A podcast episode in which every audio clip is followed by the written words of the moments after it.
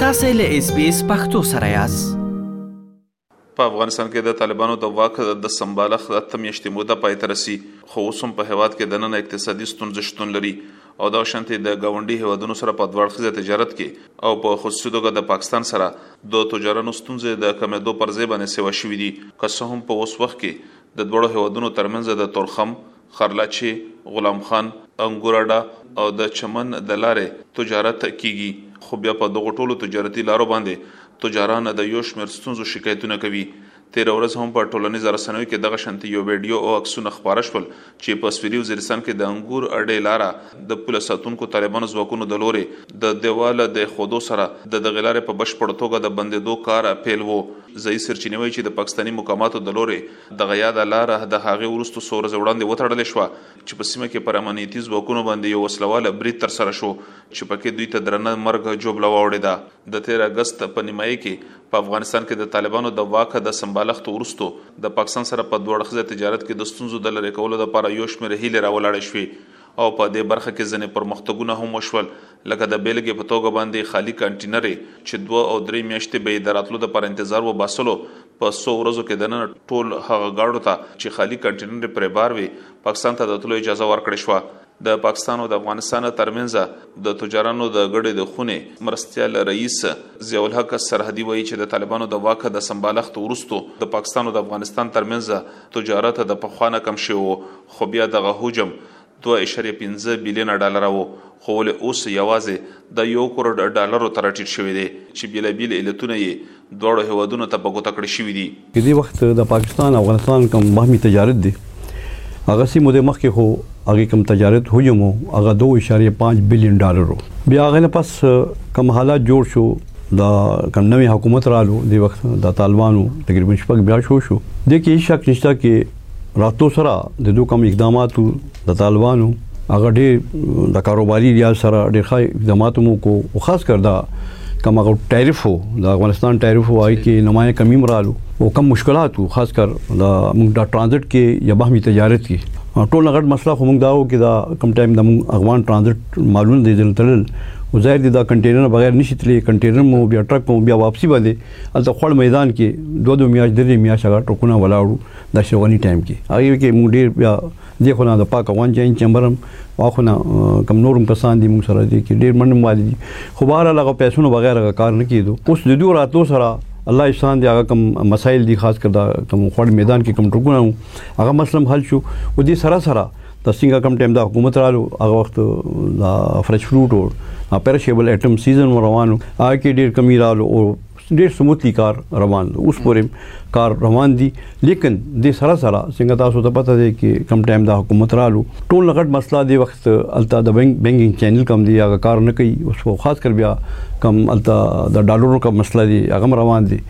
اوس د وخت کم پوزیشن دی طالبانو حکومت نه پس راتو سره خو دی ډیر ښه اقدامات کو بلدا دی چې څنګه تاسو ته پته دی چې دا افغان ترانزیټ ظاهر دی د دوی السیان مخکې نه کولاو شوی وو داسې دی دی خو نه کوم د مالونه روانو خاص کر د موږ سیمټ یا نور کوم ایټم روانو هغه اډوانس کې دوه خلکو پیمنټ هم راغلی هغه 15 شپږ میاشو هغه کار چلیدو ول ظاهر کې دی کې دا بانک چې هر یو شی پیسې راغلی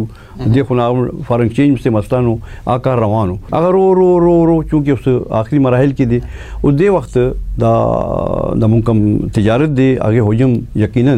د دغو شارې پنجو دا خو څۀ موده مخکې يو هغه رو رو رو تقريباً ايک کروړو باندې رالو. د تورخم پولې د لارې تجارت کوونکي تجاران وايي چې که څه هم پاکستاني مقاماتو يا د لار د تجارت لپاره د څلوېښتو ساعتو د پرانستلو اعلان کړی دی خو ولې بيا هم تجاران او مال وړونکي ګاډي د يو شمېر ستونزو سره مخامخ دي چې پکې تر ټولو لويه ستونزه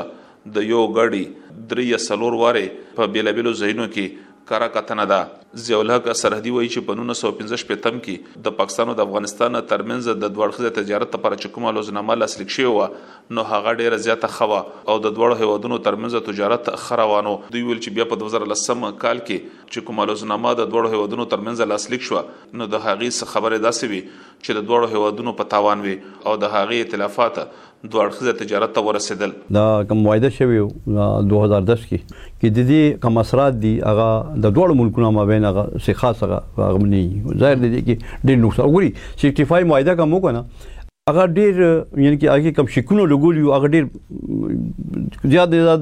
تقریبا 40 50 شیکونه وو دې معاهده کې کم 2010 په پته کې دا یو پرشر کې وشو اچھا پرشر او هغه ته وته دي یعنی کې تاسو خو پته دي چې کم ټایم دا معاهده وشو هلی کلینټن دلته راغلی مونږ وزیر اعظم صاحب هغه ټایم ګیلانی صاحب مخدوم امین فهیم ظلم رسول دلته راغلی او دا سي یعنی کې کم ټایم دا معاهده وشو دا سي پته لګی کې د سر باندې چا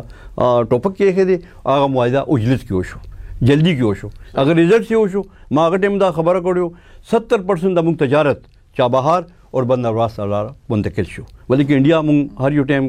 یو د خن ناس مون ته انډیا کروڑونو روپیا خپل دا کوم رپورټ شروع کړیو هغه باندې ولګلو کې دا مون کراچي پورت کم دي دا ناکامیاب شي او دا کارونه اخونه شروع کی اوسم خبره دا دي سر کې دی باندې یعنی کې 10 کال نه زیات وشو دا معاهده غیر فعال دي بکار دا دي کې دې باندې د معاهدې باندې نظرثاني به کار دی اوس پورې څنګه مونږ حکومت دا وایي کې دې باندې 90% 90% کار خو شوی دی صرف 10% کار هغه دی کې بقایا ده دې کې تقریبا تقریبا 15 شپږ میاشتې شو بکار دا دی چې به د دې معاهده سره حل واسي چې دا معاهده فعال شي اوس په نږدو کې د افغانو تجارانو د سازمان د لوري د اسلام آباد سلور سفرونه وشول چې اساسي مقصد د طالبانو د واک د سمبالښت ورستو په دوه اړخیز تجارت کې د ستونزو لری کولو خو بیا افغان تجاران وایي چې په دې برخه کې هیڅ کوم پرمختګونه نه دي شوي او ستونزې هم هغه شانتي دي دوی وویل چې که څه هم پاکستاني چارواکو دوی ته د حل په برخه کې باور ورکړی دی خو لا تر اوسه کومې نتیجې نه دي ورکړي په افغانستان کې د نورو ستونزو ترڅنګ طالب چارواکو ته تر ټولو لوی ستونزه په هیواد کې اقتصادي هلې ځلې بیا ځای پر ځای کول دي خو په دې برخه کې یو شمېر ستونزې خنډان لري چې پکې یوه د تجارانو باور پر ځای کول دي دغه شان د بانکونو نظام فعال کول او د پاکستان سره په ځینو ستونزو باندې په چټکتیا سره کار کول دي چې دغه دوړخیزه تجارت بیا وده ومني بلخو په افغان پوله د پاکستان په خوره کې د تیر څو ورځو راهیسې په امنیتي ځواکونو باندې وسلواله بریدونو لړۍ پیل شوې ده چې بیا په ځواب کې پاکستان په کونړ او خوست کې بمبارونه کړي دي او دغه شانته د دوړو هوادونو ترمنځ یو وار بیا پاړیکو کې ترنګلواله لیدل شوې ده د دې ترڅنګ د افغانستان د تجارت په برخه کې یو مضبوط گاونډي ایران هم دی خو له اوس په نږدې کې په ایران کې د افغان کډوالو سره د بد چلن ورستو